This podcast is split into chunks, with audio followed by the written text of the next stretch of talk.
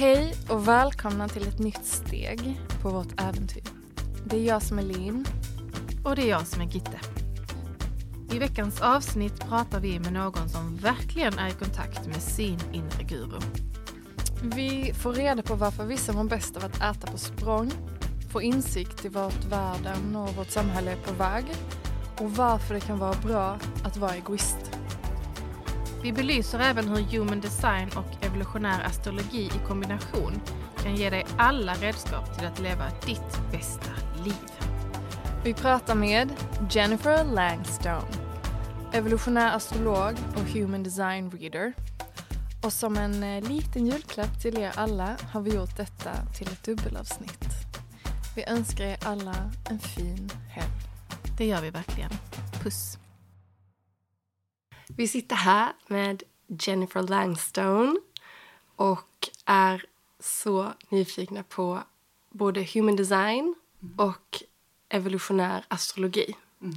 Och idag ska du bara ge oss ett smörgåsbord på vad allt detta innebär. Och eh, även så ska vi prata lite om... Eh, vi fick varsin reading igår.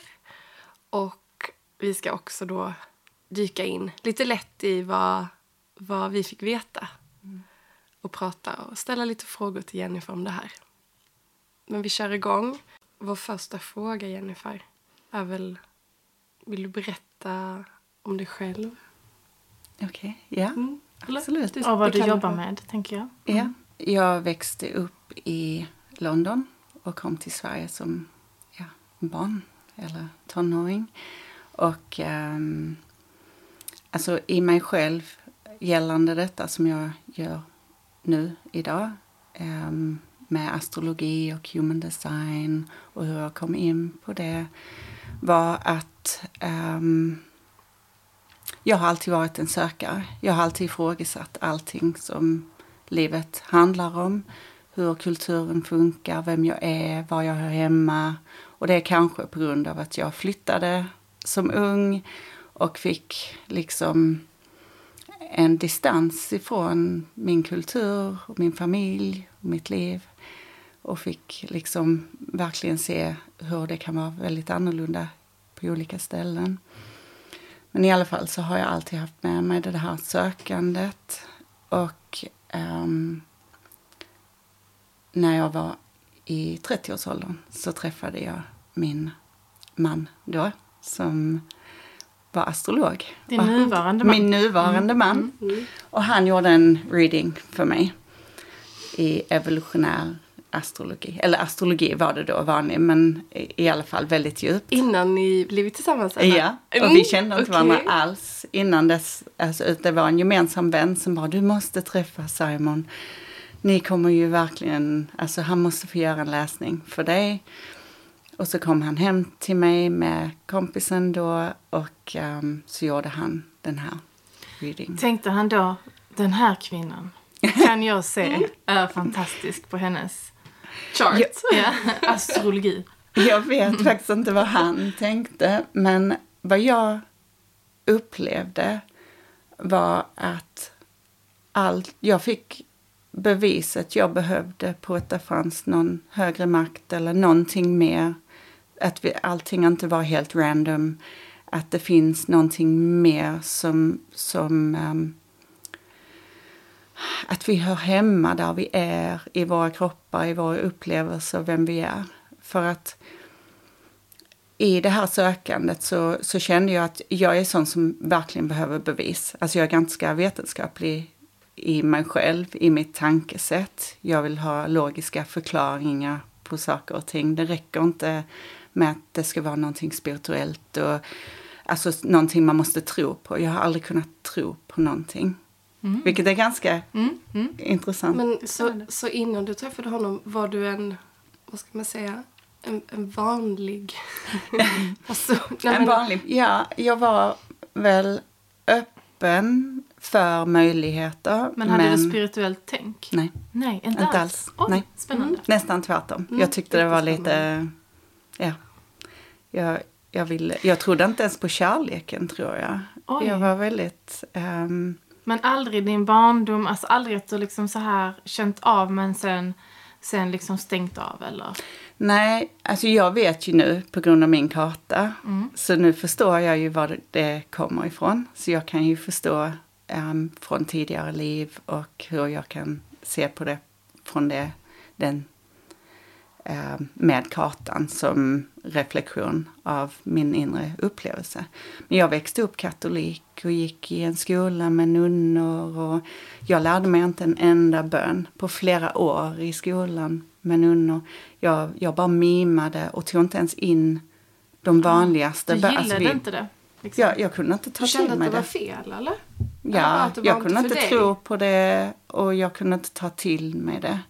Jag kunde, det var liksom blockerat. Ser man det i din chart, i din Ja. karta liksom? Ja, det gör man. Jag har förmodligen, jag har ju ett, jag är ju sökare så i min karta så reflekteras, så, vis, så syns det att jag har sökt sanningen. Jag vill verkligen uppleva Gud. Alltså komma, men jag vill ha en direkt erfarenhet av det. Och det fick du i Simon då? N- Inte i honom, men i upplevelsen av en reading. Att en total främling kan komma hem till mig som, som inte vet ett enda, alltså någonting om mig och kan förklara vem jag är och inte bara det, men min upp, hur jag upplever livet och världen. Så han kunde se och förklara min, mitt innersta på ett sätt som jag tror inte min närmsta familj och vänner skulle kunna se hos mig. Till och med att man nästan inte själv kan förklara det Ja. utan han sätter fingret på något som man kanske inte riktigt kan Precis. sätta fingret på själv. Ja, Mm, wow. precis så. Och det för mig var beviset Mm. på att det finns någonting mer. Det var ett bevis på att om han kunde läsa i min karta hur jag var, ehm, då, då måste ju jag vara som jag ska vara. Och om jag är som jag ska vara, då är alla som de ska vara. Då är allting som det ska vara. Allting är perfekt. Mm. Allting är Så- perfekt som det är. Även om det är kaos, även om man upplever kaos inom sig, man går igenom saker och livet är svårt, så är det precis som det ska vara. Mm.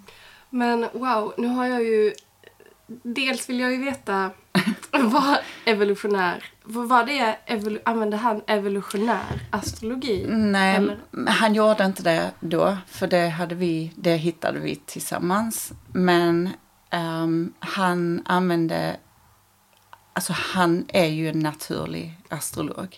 Han har ju, allt, han har ju hållit på med det sedan han var ganska ung och han var, hade bara naturbegåvning. Han är oerhört duktig, alltså fantastisk. Och då vill jag bara förklara eller fråga, att, så att du kan förklara, Mm. att astrologi är det liksom horoskopet du läser i en veckotidning? Nej, det är det verkligen inte. Nej. Så det, det de flesta kan, horoskopet, det är var soltecknet befinner sig i, alltså astrologiskt i himlen när man föddes. Alltså om du är eh, kräfta eller tvilling eller så. Precis. Mm. Så det är solen. Och när man tittar på solen så ser man bara en liten, liten, liten del av vem man är och hur man um, uppträder, hur man, alltså vilken personlighet man har. Medans astrologi, riktig astrologi, då tittar man på all, hela solsystemet, var solsystemet befann sig i för, förhållande till en person i det ögonblicket som de föddes. Så då är det hur du upplever livet utifrån din värld, alltså ditt lilla solsystem. Och detta spelar in lika mycket som bara ditt soltecken. Väldigt mycket mer Ja, skulle jag säga. Så vi har nästan blivit med, lurade att tro på det vi läser i ja, jag, tidningar. jag tycker att det ger astrologi ett dåligt namn. Alltså det ger en falsk representation. För de flesta känner ju inte igen sig i sina soltecken. Det är väldigt många som inte känner igen sig i sina soltecken. För solen är någonting som man håller på att utveckla i livet. Man växer in i sitt soltecken. Så det är ju någonting som man... Man kan ju inte bara ta en del. Det är precis som att ta eh, någons en bild på någons öga liksom och så har man bara det som referens för hur de ser ut och så ska man hitta på resten bara. Det, ju, det går ju inte, alltså en liten del av en människa eller en liten del av någons personlighet ehm, kan omöjligt reflektera hur de är. Så tillbaka till Simon. Mm. Mm, och Så- ert första möte. och er kärlek. Ja, kärlek. Ja. Hur fantastisk han är. Vad heter liksom ert företag och vad jobbar Ja. han? Och... Vi, vi har ett gemensamt företag som vi startade tillsammans som heter Raising Vibrations. Men, vänta, förlåt, men det här går för snabbt. Vi hade en reading. Vi hade en reading. Du blev blown away. Ja, totalt. Både av the reading och av Simon. Eller? Ja, ja, eller med honom. När jag träffade honom, när, han, när, mötte mig, när vi mötte honom i dörren, då, då kände jag igen honom. Alltså då fick jag en sån chock. Alltså det var som en stöt som bara, åh, det är ju du. Det var en sån, och jag, jag är inte sån som, som sagt, jag trodde ju inte på sånt. Inget sånt kärlek vid första ögonen. Det kändes inte som kärlek, det kändes som, jag Igenkänning. visste, igenkänning, totalt. Mm. Så bara, det är ju du. Och det var som en, en stöt liksom, som en, som man, man, en chock lite så. Mm. Och jag förväntade mig ingenting, jag visste inte hur gammal den här personen var, jag visste inte, alltså jag hade inga förväntningar alls på den här läsningen, det var bara en kul grej. Och när han åkte därifrån så hade jag gått hem till min eh, vän då och bara, jag vet att vi kommer att vara tillsammans. Jag har ingen aning hur eller när eller vad, men jag vet det bara. Att Mm. det blir han och jag. Men han var inte alls min typ. Han var, det var, jag letade inte efter någon, alltså det var verkligen oväntat. Det var inte alla. den som du normalt sett rör Nej, verkligen inte. tittar verkligen. på? Eller? Nej. okej. Inte alls. Men ehm, jag visste det bara, Mm. att det skulle bli vi. Så vi hade flyttat ihop. Ja, så detta var oktober. I början på december flyttade vi ihop. Oj! Ja. Vadå så snabbt? Ja. Wow. Och sen fick vi barn eh, året därpå. Men wow. var det, tror du att om han inte hade läst din karta, alltså om ni bara hade träffats på en Ja. pub, På en pub, ja. då hade det varit samma sak tror du? Ja, jag tror vi hade kommit in i en diskussion om saker och ting och så hade det blivit en En reading.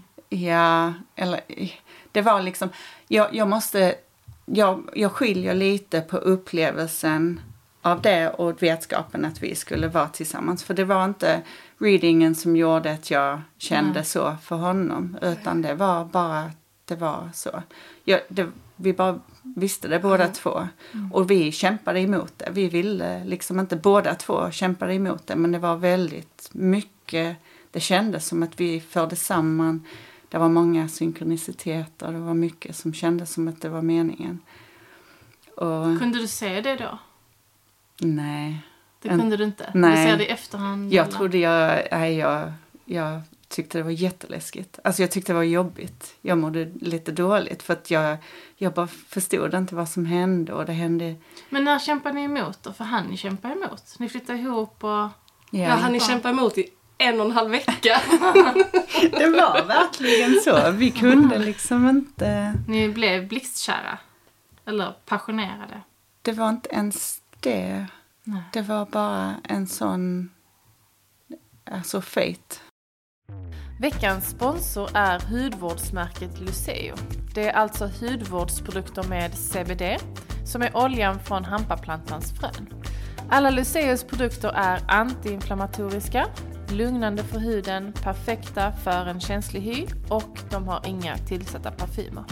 Jag, Lin, har använt Luceos produkter i mer än ett halvår och jag har verkligen hittat två favoriter. Den första är Miracle Drops Face Oil med 5% och 10% CBD. Och jag är nu inne på min tredje flaska och jag verkligen älskar den här produkten. Jag brukar göra en lymfmassage i ansiktet varje dag.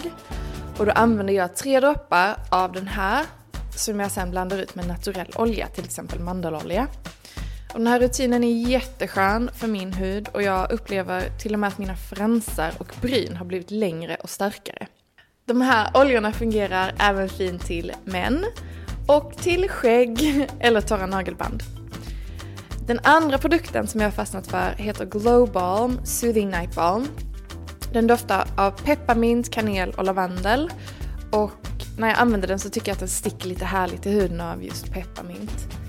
Jag använder den till ansiktet, till torra händer, till läpparna och jag brukar ta ut en liten klick och lägga i en mindre burk som jag sedan har med mig i handväskan som jag kan använda när jag vill. Den är skön och en sån riktig rich kräm som behöver värmas mellan handflatorna för att smälta. Och den passar min känsliga hy perfekt på vintern. Framför allt blåst i kombination med kyla, som det verkligen är i Skåne. Och fram till den sista januari så har du 25% rabatt på hela sortimentet med koden GuruGirls25 med stora bokstäver. Jag känner igen exakt det Jennifer berättar. Har jag ju Ja. nästan har jag upplevt med min nuvarande. Det var... Jag var inte på jakt efter ett förhållande. Han var inte min klassiska typ, om man nu kan ha en typ. Men, och jag bara visste Ja. att... Eller så han skulle egentligen gifta sig med en annan person. Oj, oj, oj. Och så frågade jag en, gemens, en, en vän som visste något om honom och sa ja men hur är det med den här David? Så sa hon nej men han ska ju gifta sig i sommar. Och jag frågade inte av någon kärleksintresse utan jag var bara nyfiken. Och när hon sa att han ska gifta sig i sommar då visste jag att han inte skulle gifta sig. Ja. Jag bara visste det. Ja. Och sen några dagar, en typ några veckor senare kommer han till det här kaféet jag jobbar på och bara berättar. Ja, nej, det här har hänt mig och är en eh, tragisk, tråkig historia som resulterar i att han inte skulle gifta sig. Och då kände jag så, oj, nej, det är för att vi ska gifta oss. Och det var inte så att jag ville Nej. detta. Jag kände inte honom överhuvudtaget. Jag bara visste, ja, det är för att vi ska gifta oss. Ja. Och, och sen fick jag finna mig i det. Det låter ju konstigt men Det jag förstår konstigt. precis vad du menar. Och jag älskar honom av hela mitt hjärta och jag tycker han är fantastisk att leva med. Men det var inte så att jag bara, oh, den här Nej. personen vill jag ha. Han vill jag lägga på var- rygg. Nej, precis! Nej, så. Nu ska vi smaska. Nej, men det var, det var, det var bara så tydligt. Mm. Det här är, ni ska vara tillsammans och du har typ inget att säga till om. Nej, jag har nästan inget Alltså, du har inget- Jag till har om. ingenting att säga Det var inte till så att om. han hade inget att säga till om. Nej. Han ville väldigt gärna.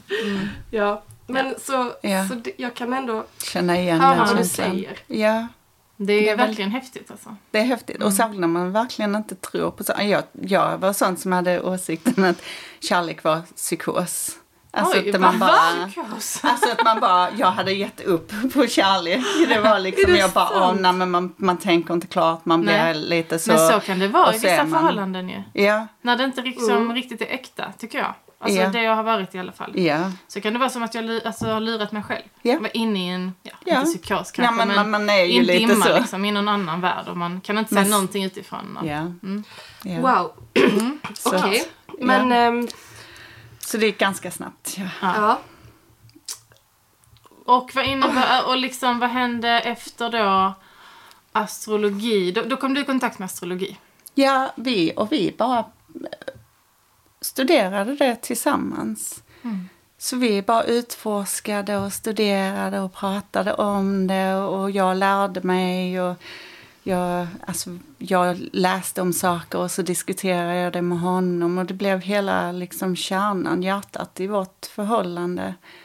Och sen, Bara snabbt, vad hade du sysslat med innan? jag var makeupartist Mm. och hårstylist och lärare i detta också. Vad sa du? Hårstylist? Hårstylist, ja. Så jag, ehm, jag var lärare, gymnasielärare för um, hantverksprogrammet, stylist. Och sen frilansade jag också. Okej. Ja, Mm. bara fint att veta. Ja, så det var helt, Helt men kreativt och liksom, ja. Fast jag som frisör, jag har varit frisör tidigare, Mm. har ju ofta fått höra av ehm, så här eh, ja, spirituella personer, alltså lite så här medium och sådär, har jag ofta fått höra att frisörer ehm, till stor del Mm. har den sidan. Alltså den där spirituella sidan. Eh, och varför vet jag inte riktigt men jag tror att det handlar till stor del om att man faktiskt är mycket i kontakt med andra människors huvud. Ja, Oh, wow. Och rör andra människor. Ja det kan Mycket. mycket väl. Eh, så. Och man är utan, man är Man så här bara masserar som- deras huvud. Ja. Wow, det har jag aldrig hört, men det är ju häftigt. Ja, jag kan Man känner förstå. in människor i alla fall. Ja, Mm. ja. Man får öva mycket på det, skulle jag Mm. säga. Mm. Ja, men eh, okej, så ni börjar utforska astrologi tillsammans. Ja. Och vart tar Och- det er?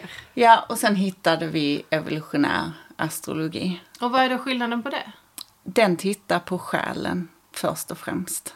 Så då går man in och så tittar man, istället för att titta på personligheten, vem man är, vilken personlighetstyp man har, solen, månen, ascendenten, som man gör i vanlig astrologi, så tittar man på själen, själsresan, karman, alltså den resan var man har kommit ifrån i tidigare liv. Eller ti- om man inte tror på tidigare liv så kan man se det som barndomen, upplevelsen. Och sen vart man, vad man ska lära sig i livet och utvecklas. Så ja, där, Men eh, om man då inte tror på tidigare liv så kan man se det som barndomen. Ja. Så absolut. eh, det som har hänt i tidigare liv kan... kan Det upprepar sig i barndomen. sig i barndom. Så det är det man ska lära sig. Alltså man, som jag ser det så man har ju med sig dem ehm, i det förflutna i ens chart, i ens karta så ser man liksom de första, första halv, halvan av livet eller första 30 åren. De intrycken man har fått, hur man förhåller sig till livet, hur, vad man har upplevt hur man upplever världen. Och man kan se att det är väldigt olika på, om man ser på syskon. Man kan ha syskon som har upplevt samma saker, som jag till exempel som har flyttat till ett annat land som barn. Jag tyckte bara, alltså jag minns när min mamma frågade "Ja, vad tycker ni om att flytta till Sverige? Jag bara, för jag har med min cykel? Ja. För jag tar med min hund eller hundarna? Ja. Okej, sa jag. Liksom, Mm. var inte mer med det. Men för min syster som är väldigt trygg i det så var det en helt annan upplevelse. Alltså det var inte spännande med det nya. Utan det var kanske få bearbeta och släppa saker. Och det berodde egentligen inte på hur ni var uppfostrade utan hur ni är Ja, som person. skapta Ja. er design. Och ni som har barn också, man ser ju att man är född med en personlighet. Man har ju en viss, ju, man formar ju verkligen inte dem så mycket som man tror. Nej, alltså de har ju sin personlighet. Sen kan man ju forma den och, och då blir det ju kanske en friktion i... Jag tror inte det- man ska försöka forma den Nej men för precis. mycket. Ja. Men det gör ju många föräldrar ändå. Och Mm. sen så blir det kanske då en friktion längre fram där man Ja. ska, det, det skaver. Ja. Mot vad man egentligen är, har för personlighet och vad man har blivit fostrad till att ha för personlighet. Ja. Men jag skulle gå så långt som att säga att de, den friktionen ser man ofta i en karta. Mm. Och den kan man, den är, det är meningen att den ska, Den ska vara vara där. Som en lärdom. Ja, så man får ju, Man får det man ska ha. Mm. ja. Det, så egentligen, det ska inte... Ingen ska egentligen leva ett liv utan någon form av friktion. För då Nej. lär man sig ju ingenting. Ja, ja, livet går inte ut på att allting ska vara bra. Det är att vi ska lära oss saker. Så att utifrån detta så ser jag ju att annars hade ju inte folk fötts in i krig och fattigdom och sjukdomar och svårigheter. Alltså det finns ju alla möjliga upplevelser av livet i världen. Och alltså rättvisa och sådana saker är mänskligt tänk, att det ska vara fint och att man ska uppleva. Det är klart vi strävar efter det och få finna glädje i saker och få uppleva det. Men från själens perspektiv eller från det stora perspektivet så är det ju vad innebär det att vara människa? Mm. För den, de där frågorna är ju rätt stora och ibland provocerande och Mm. ibland väldigt svåra att ta in. Ehm, just att varför har man valt ett... Eller... Mm. ehm, vissa pratar också om att man väljer sitt liv, så det är i och för sig en annan fråga. Men eh, varför man då ehm, har ett liv i till exempel fattigdom. Ja. Men det, det ofta så syns det ju mm, vissa, hur man förhåller sig till det i alla fall. I kartan. Även om man föds in i rikedom så brukar det ju också kunna synas. Mm. Där, att det- får, Att vara rik, alltså rent materiellt, att ha massa pengar Mm. Ja. kan också visa sig kanske som en fattigdom i en människa för att människan har en fattigdom inom sig. Ja, jag tror att, ja absolut, det kan det verkligen. Och jag, ibland kan man se i en karta att någon själv har valt att fokusera på um, upplevelsen av att ha och inte ha. Så ibland så föds de in i rikedom och sen förlorar de allt. Mm. Och så är de fattiga och så får de uppleva båda sidor. Eller så börjar de med fattigdom och sen så kommer de, så, upplever de rikedom. Eller du vet, det behöver inte vara extremt men det kan vara på den mm. skalan någonstans. Mm. Men upplevelsen av att inte ha och upplevelsen av att ha. Och för att de ska förstå den här de här olika... Dynamiken. Ja, allting. Tacksamhet. Ja. Eller eh, ödmjukhet. Ödmjukhet. Ödmjukhet. Och, och om man... Förståelse för andra. Precis. Mm. Precis. Men okej, okay, så, om, mm. så om evolutionär astrologi tittar på själen mm. och dess resa. Ja. Så vad är då human design? I ja. relation till detta. Ja. Human design är ett annat system som även använder sig av eh, födelseögonblicket och använder sig av var planeterna befann sig när man föddes. Men ett helt annat system som har en helt annan fokus. För att bara inflika då, när man tar fram sin karta så behöver man veta datumet mm. man är född, var någonstans i världen mm. man är född och vilket klockslag. Ja, precis. Och ens namn då. Ja, namnet behövs egentligen Nej. inte. Men det som kan hjälpa, om jag skulle göra en, en läsning för någon som jag inte träffar alls, då hade jag velat veta um, könet, uh, hur man förhåller sig, alltså vilken kultur man föds in i. För att det kan spela roll för hur man upplever saker och ting i kartan. Um, till exempel om någon växer upp i, um, i Sverige och har en karta som reflekterar någon som, vill, um, som har ens relation till uh, det spirituella så, för, så är det ganska vanligt i min erfarenhet att de är så in the closet spiritual, alltså att de döljer sin spiritualitet för den har blivit dömd.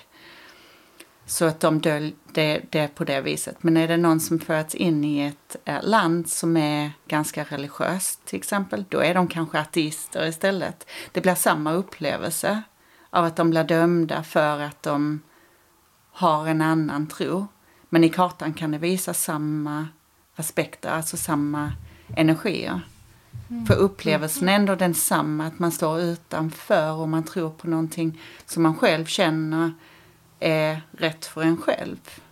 Om man, ja. Jag förstår, men får jag fråga, human design, då har man liksom en karta som egentligen sträcker sig över hela ens liv. Alltså hur man är när man är två år och även hur man är när man är 80 år. Ja, så är det för båda. Att man har samma ja. karta. För så man ändrar inte sig? Jo. Och man kan inte ändra sig? Är man som man är? Man, I grunden mm. är man som man är, men man kan det finns olika uttryck. Så det finns de, så de vi jobbar med i evolutionär astrologi mm. till exempel.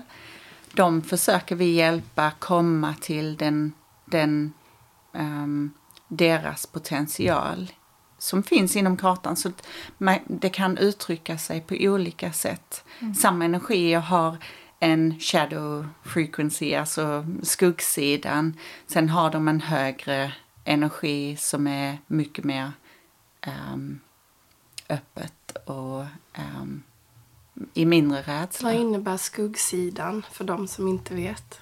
Skuggsidan är väl i en, en förhållningssätt som är mer uh, rotad i rädsla, skulle jag säga. Till en och samma sak då? Jag tror att rädsla i sig är en frekvens, alltså är en energi. Och när man är i rädsla så hamnar man på en, en um, annan, alltså den man är uttrycker sig på ett annat sätt.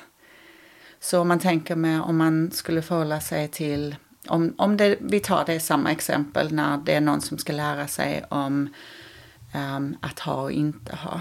Om det handlar om resurser och behov och sådana grejer. Är man i skuggsidan så vill man ju ha allt för sig själv och hålla i det och kanske sitter med rädsla och rädd för att förlora sina grejer och rädd för att vara utan. Medan är man i den högre formen, alltså energierna, och har bearbetat det, då är man kanske sån som inser att det man ger, det får man alltid tillbaka. Och det behöver inte vara från samma person, det kan vara i ett flöde. Alltså att det finns ett flöde av energi, mm. att man alltid är omhändertagen, man behöver inte vara rädd. Att man kan vara i det, i ett, i, alltså att ge, mm. är alltid att få. Jag kan känna att jag är i det där flödet, att jag inte är rädd. Sen så mm. kommer det små rädslor ibland mm. in bara sådär och hugger mm. till lite. Mm. mm. Eller att andra försöker trycka på sina rädslor på dig för ja, att absolut. de oroar sig och ja. vill dig väl. Mm. Jag tror att världen är i den rädslan.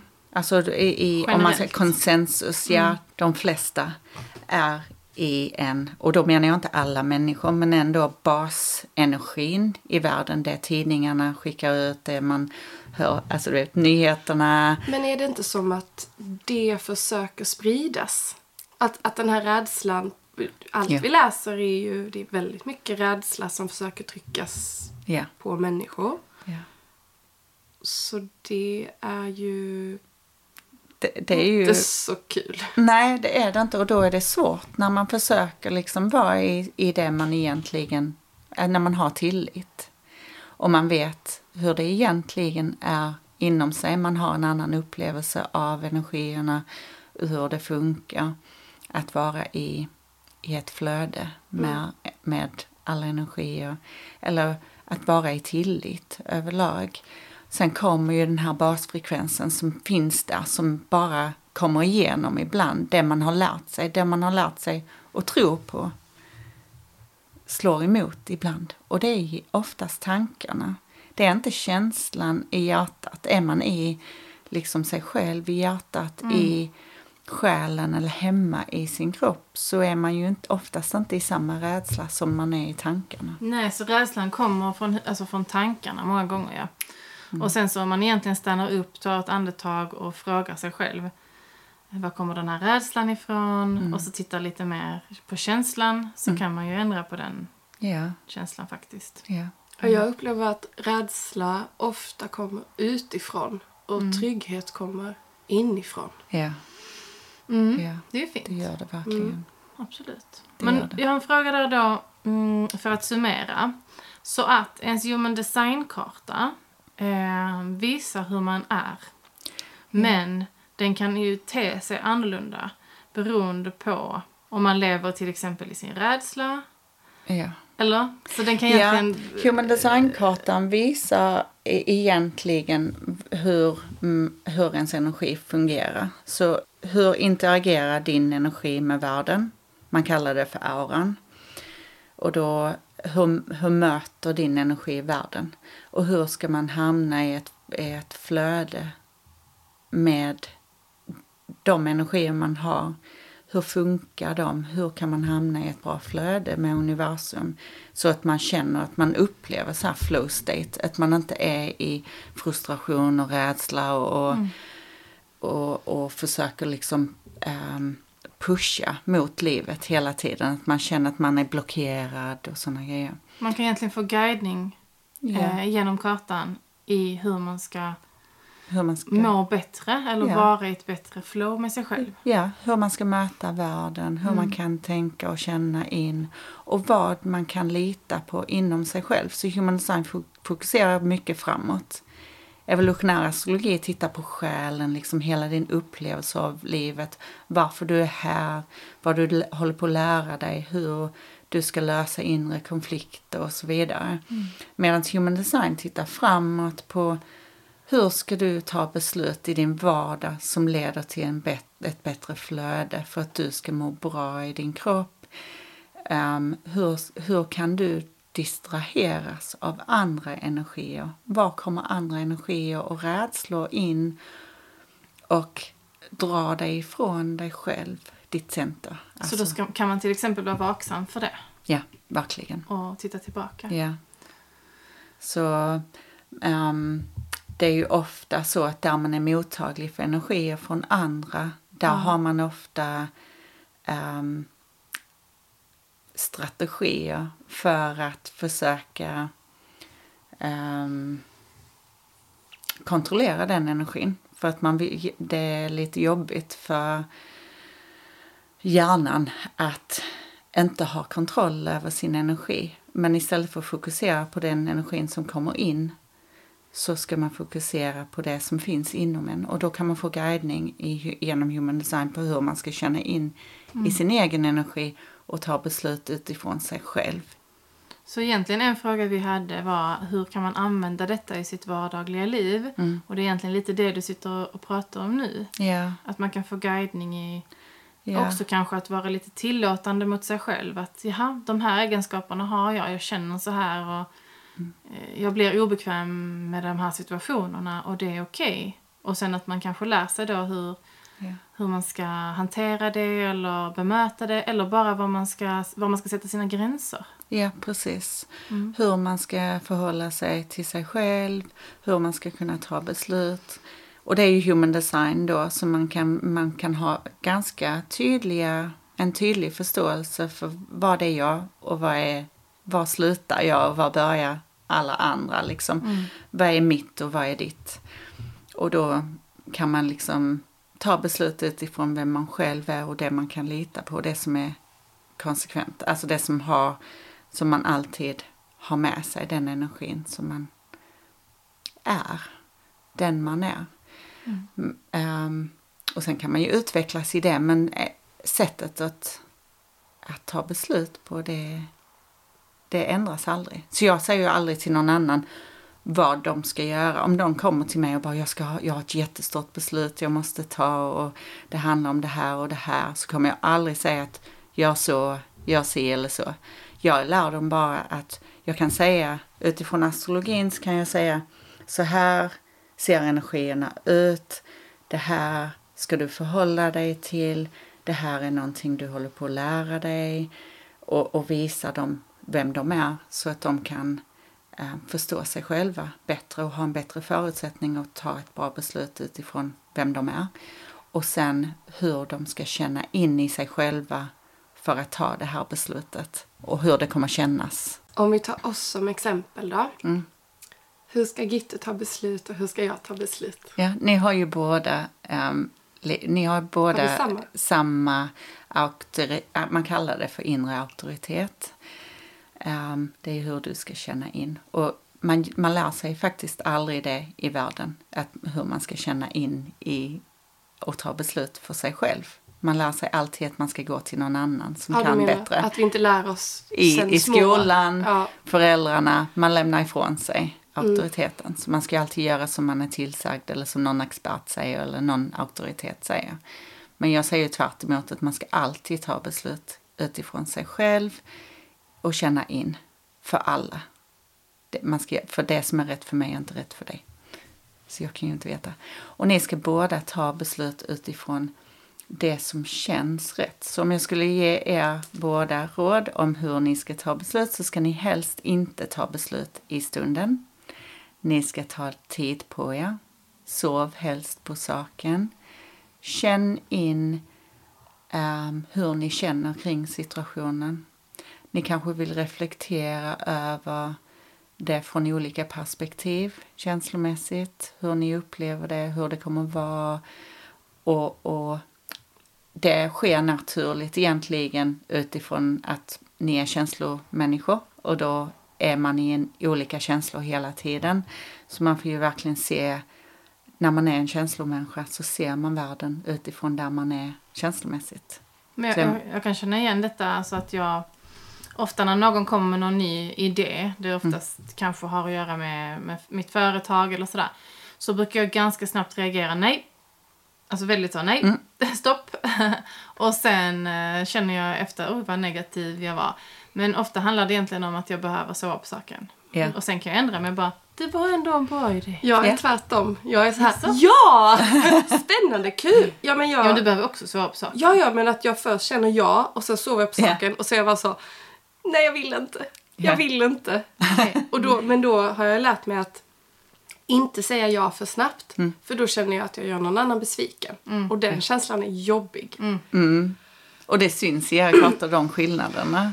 Va- Att du skulle vara, eh, Gitte, eh, ta säga nej först till allting. Det är bara nej är första reaktionen på stopp. allt. Nej. Men ett nej kan lätt bli ett ja, men det är bara att det är ju första stopp. Ja. Så det är precis Så är min pappa också. Ja. Väldigt så. Mm. spännande. Ja. Ofta har man ju vissa liknelser i kartorna i familjen. Det är ju oavsett om det är ja eller nej initialt, alltså det första intrycket, så ska ni ju helst inte ta något beslut i stunden. Alltså om någon säger, ja, vill ni iväg, vill du hänga med någonstans nu? Så bara, nej, men en annan dag kanske. Mina vänner har lärt sig att fråga mig dagen innan om de vill att jag ska med någonstans. Så att jag ändå får lite tid på mig och känna om det är rätt för mig. Eller ge mig lite tid i alla fall. Ehm, man kan ju inte vänta ett dygn på alla beslut. Nej. Men, Men ehm, kanske känna efter i alla fall. men att man får tid att känna efter. Att man inte gör saker bara på studs. För det är inte rätt för alla. För vissa är det perfekt.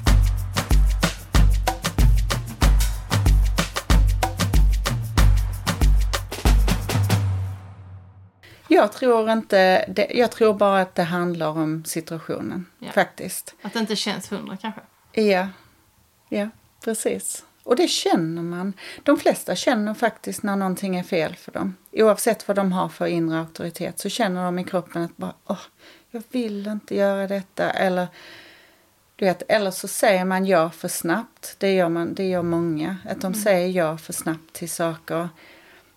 Bara för att de, de känner inte in.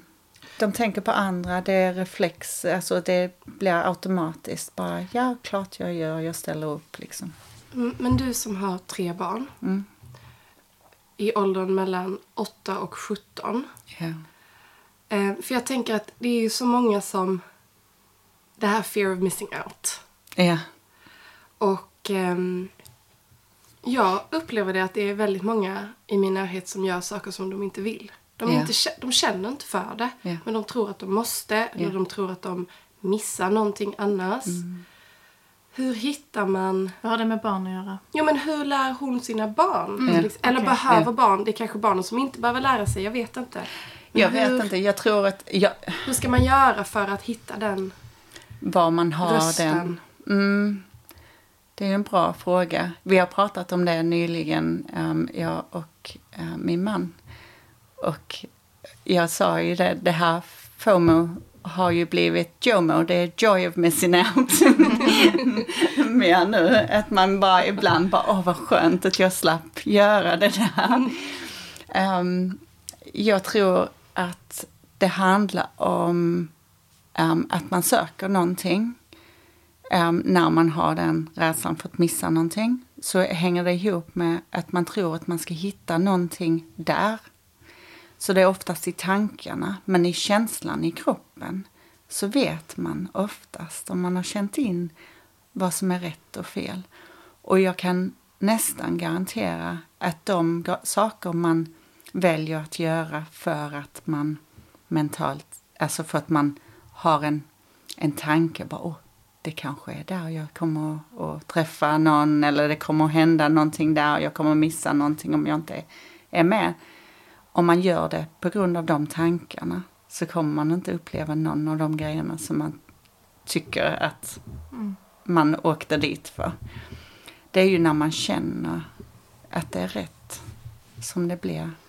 Det kan vara tvärtom, att man väljer att inte gå på någonting och så är man hemma en kväll och så får man ett telefonsamtal den kvällen från någon annan som bara åh, kan vi göra detta, gå en promenad eller någonting. Och så, så händer någonting helt annat. Liksom att det oförutsägbara är där flödet är.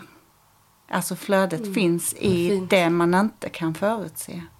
Mm. Och det finns det alltid. Vi har alltid en plan och en tanke och en logisk förklaring. Det känns som att vi är uppfostrade att kunna planera livet. Ja. Att vi ska lära oss, vi har ett schema. Och det går ju emot allt vad en människa egentligen är. Att Ja. bara få uppleva Ja, och inte kunna veta vad som ska hända. precis. Men jag har en fråga hur, hur har ni använt er av era kunskaper för er familjedynamik. Ja. För att den ska bli, för jag har hört dig berätta helt otroliga saker om hur den har Mm. hjälpt er som familj. Ja, den är ju... Det ser ju lite annorlunda ut. Jag, jag låter ju barnen så gott det går ehm, att ha sin egen auktoritet, att få bestämma själva vad som är rätt för dem. Det är ju... Så länge det inte handlar om säkerhet, där drar jag gränsen. Och om det inte är någonting som jag direkt känner att inte gå. Men för det mesta, om en av barnen säger att de, har, de känner att de kan inte till skolan en dag till exempel så, så litar jag på dem, deras känsla i det. Att det är någonting som de inte kan. Men innebär det då, för att jag kan ju då tycka att det är en liten fin balans där mellan att låta barnen vara i sitt sätt att vara men samtidigt finnas där för att sätta gränser. Ja, det behöver Vilka man. gränser är det man sätter? För att det är ju lite passa in i samhället gränser också som man sätter för sina barn. Eller i alla Ja. fall jag. Det blir ju så tycker jag. Ja, jag uppfostrar nog inte mina barn för att passa in i samhället. Nej men till jag. exempel. Men jag lär dem hur samhället fungerar så att de kan låtsas. Men, men som om till de exempel, behöver. vår, vi har en Nej, men så att de kan anpassa sig. Mm, mm. Vi har en sexårig son och han är väldigt energisk och han låter väldigt mycket och han tar mycket plats. Mm. Och när vi är bland andra människor så kan vi vilja forma honom så att han inte stör andra. Mm. Exakt det jag tänker. Ja. Men är det då så att vi egentligen ska låta honom få vara lite stökig och störig för vissa? Eller ska man förklara att, vet du vad, vissa kan tycka att du är jobbig nu, men du får själv bestämma. Eller hur Ja. ska man agera? Jag tycker det bästa sättet att sätta gränser med barn är att utgå ifrån sig själv.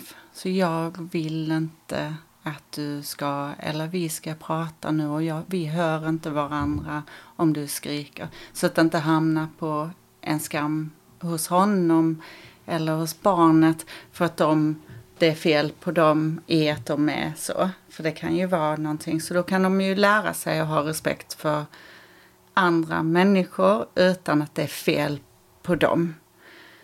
Eller att man försöker lära dem, alltså nu är det ju inte, detta låter ju lättare än vad det är för det är ju inte Nej, det är lätt. Det är inte alls enkelt att respektera sitt barn och deras gränser samtidigt som man ska förhålla sig till sina egna behov och samhällets krav och så vidare. Nej, för någonstans är ju barnen också där för att trigga saker i oss. Ja. Så till exempel om ett barn är väldigt energiskt så tycker jag att det är jätte, jag kan tycka det är jättejobbigt. För jag Ja. kan liksom, klarar inte av riktigt energin. Ehm, och då kan det trigga saker i mig. Mm. Och sen kan jag till och med få upp massa frustration och ilska Mm. mot det. Eller inte mot barnet utan mot, eh, alltså, ja. Den energiska energin. Ja, ja. Att det blir överväldigande på något sätt. Ja, eller, det blir det. Ja. Många gånger. Och särskilt om jag är lite i obalans eller liksom inte har sovit bra eller sådär. Mm. Och det är ju svårt. Men som, förä- som förälder i, om man säger från den, vårt ansvar som föräldrar är att kunna ehm, hantera våra, alltså om vi kan lära oss att hantera våra upplevelser och känslor. Och igen, detta är, inte, detta är ju den bästa, ehm, detta är ju mallen. detta är vad man vill, vad man önskar. Det funkar inte alltid så. Men ehm, om man kan lära sig att hantera sina egna känslor så oftast så lugnar det ehm, Mm.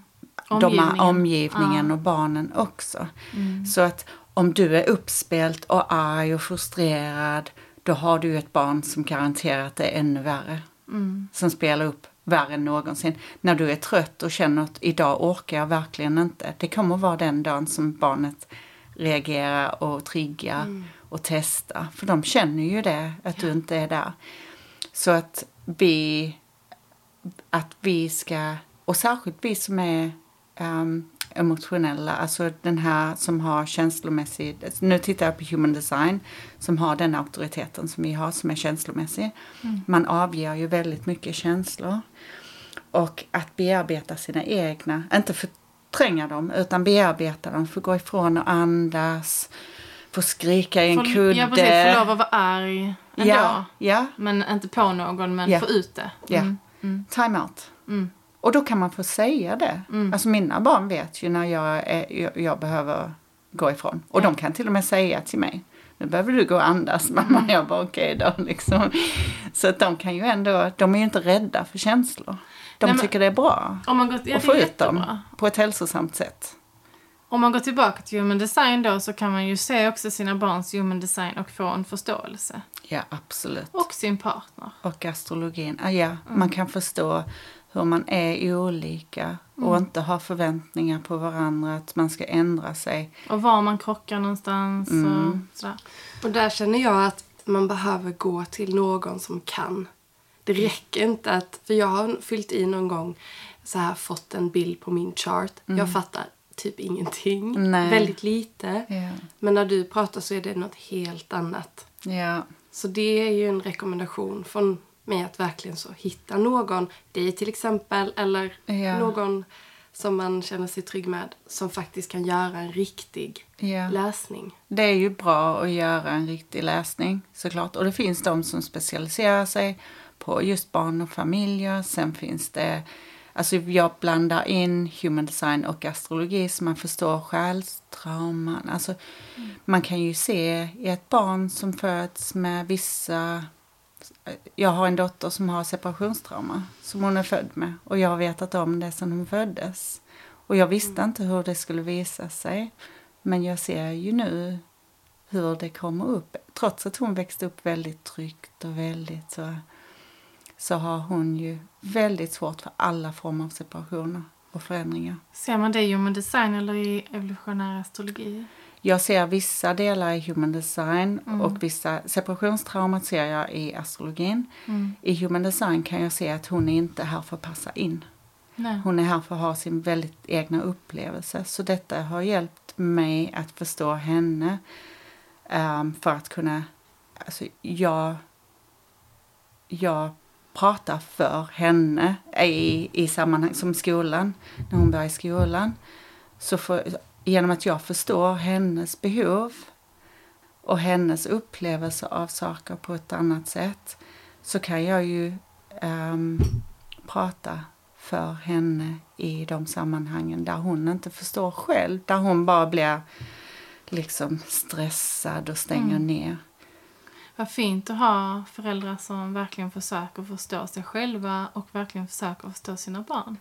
Det låter ändå härligt. Ja, men det är ju meningen med Eh, ens existens, tycker jag. Förstå sig själv.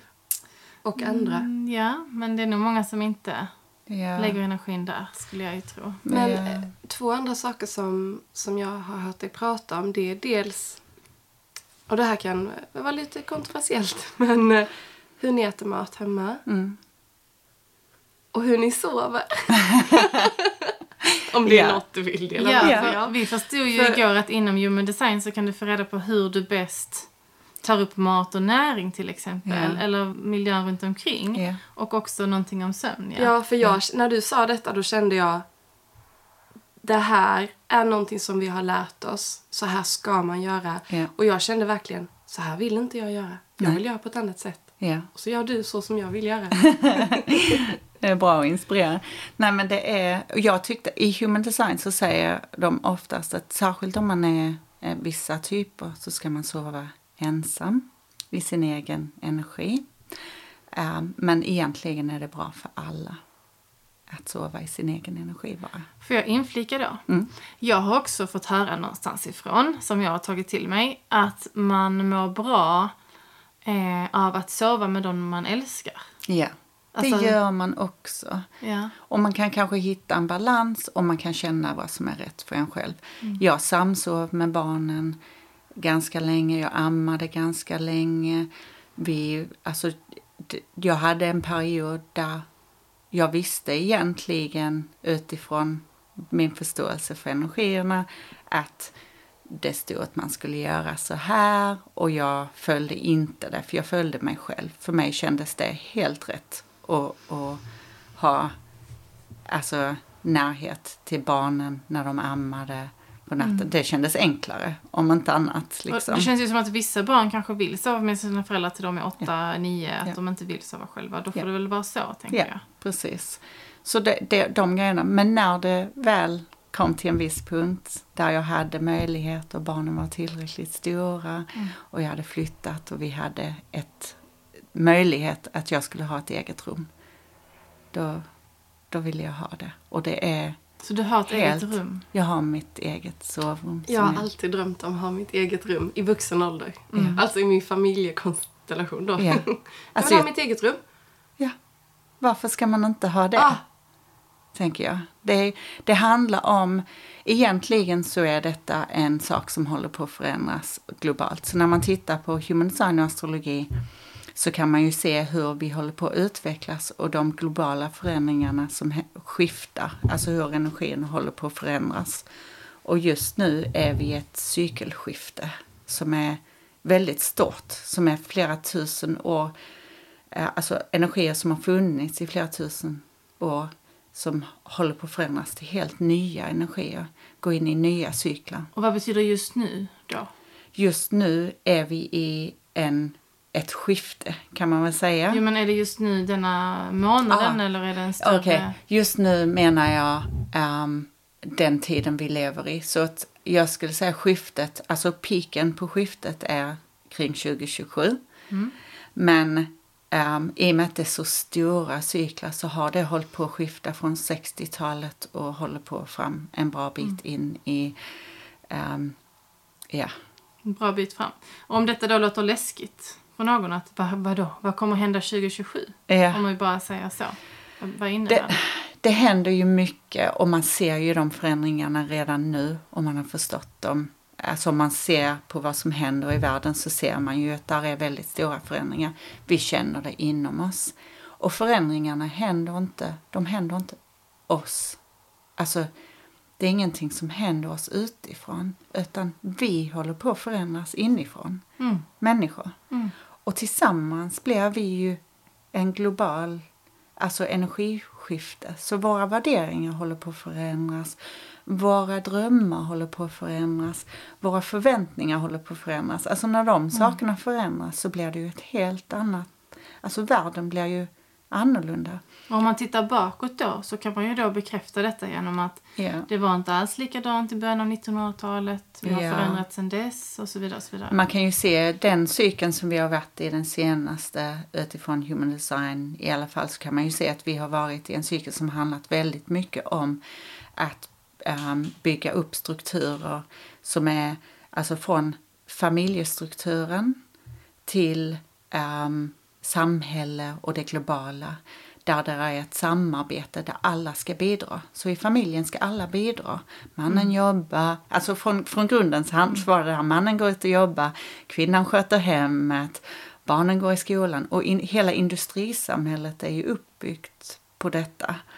Så att man har kärnan, familjen, kärnfamiljen och den ska vara på ett visst sätt. Och den hierarkin som finns i familjen, i företag, i samhället, i, globalt. Alltså att de, de hierarkierna är också en del i detta.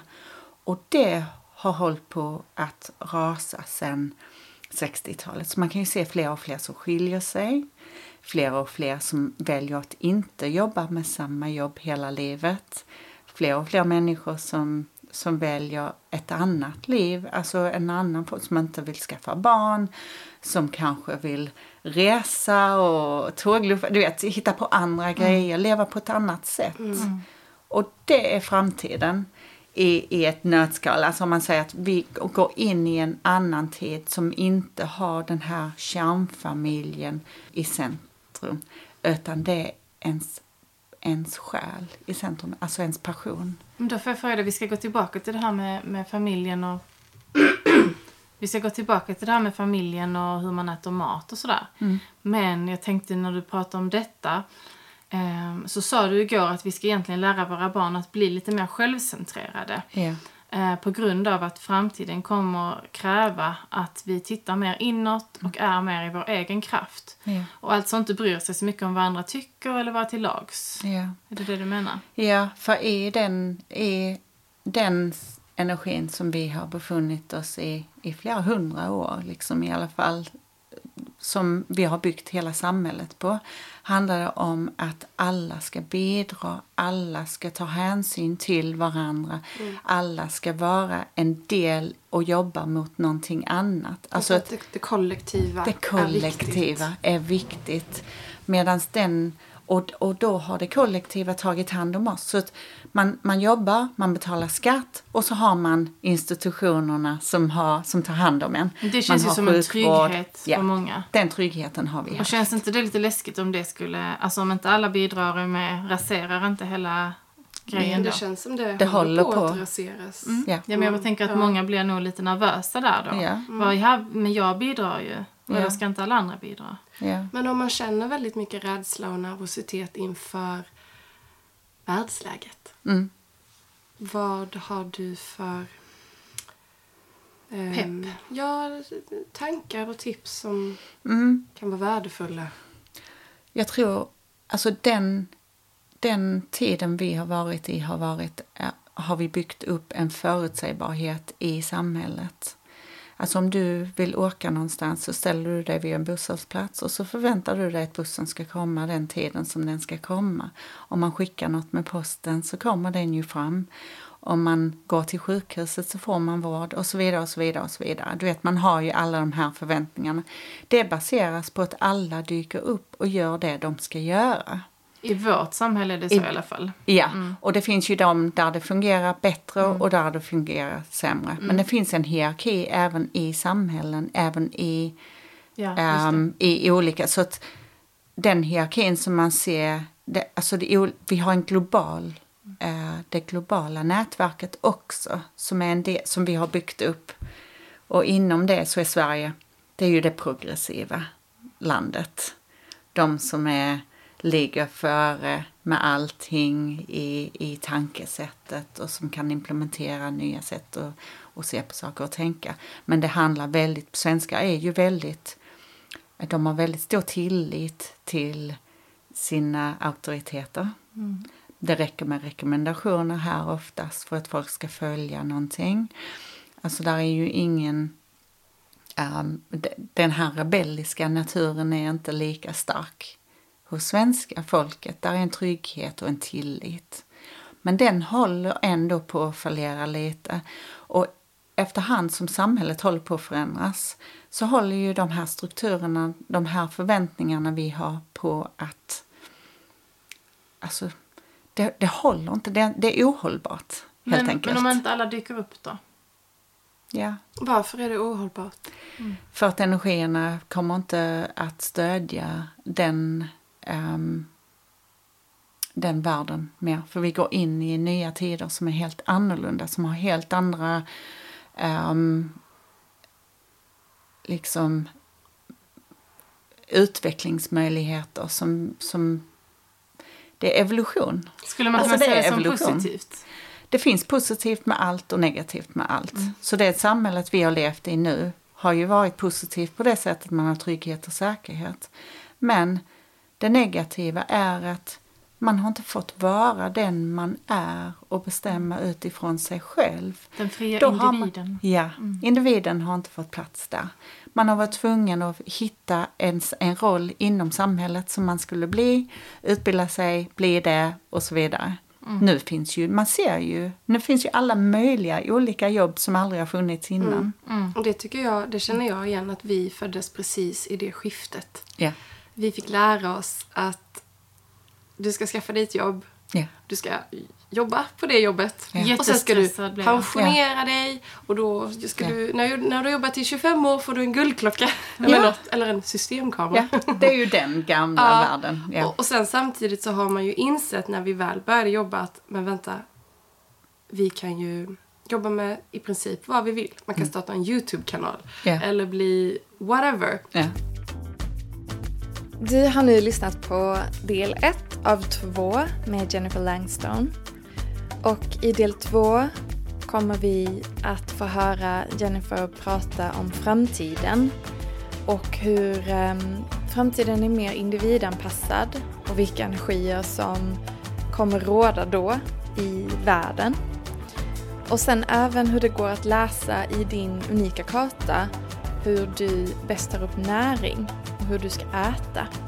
Och även hur man kan applicera detta på sina barn, sin familj och även varför vissa barn inte vill äta viss mat. Och att det verkligen inte finns en one size fits all. Sen eh, kommer du även få höra i del två om våra, alltså Lin och Gittes läsning som vi gjorde och sen även vår gemensamma läsning. Så eh, häng med oss och eh, lyssna på del två.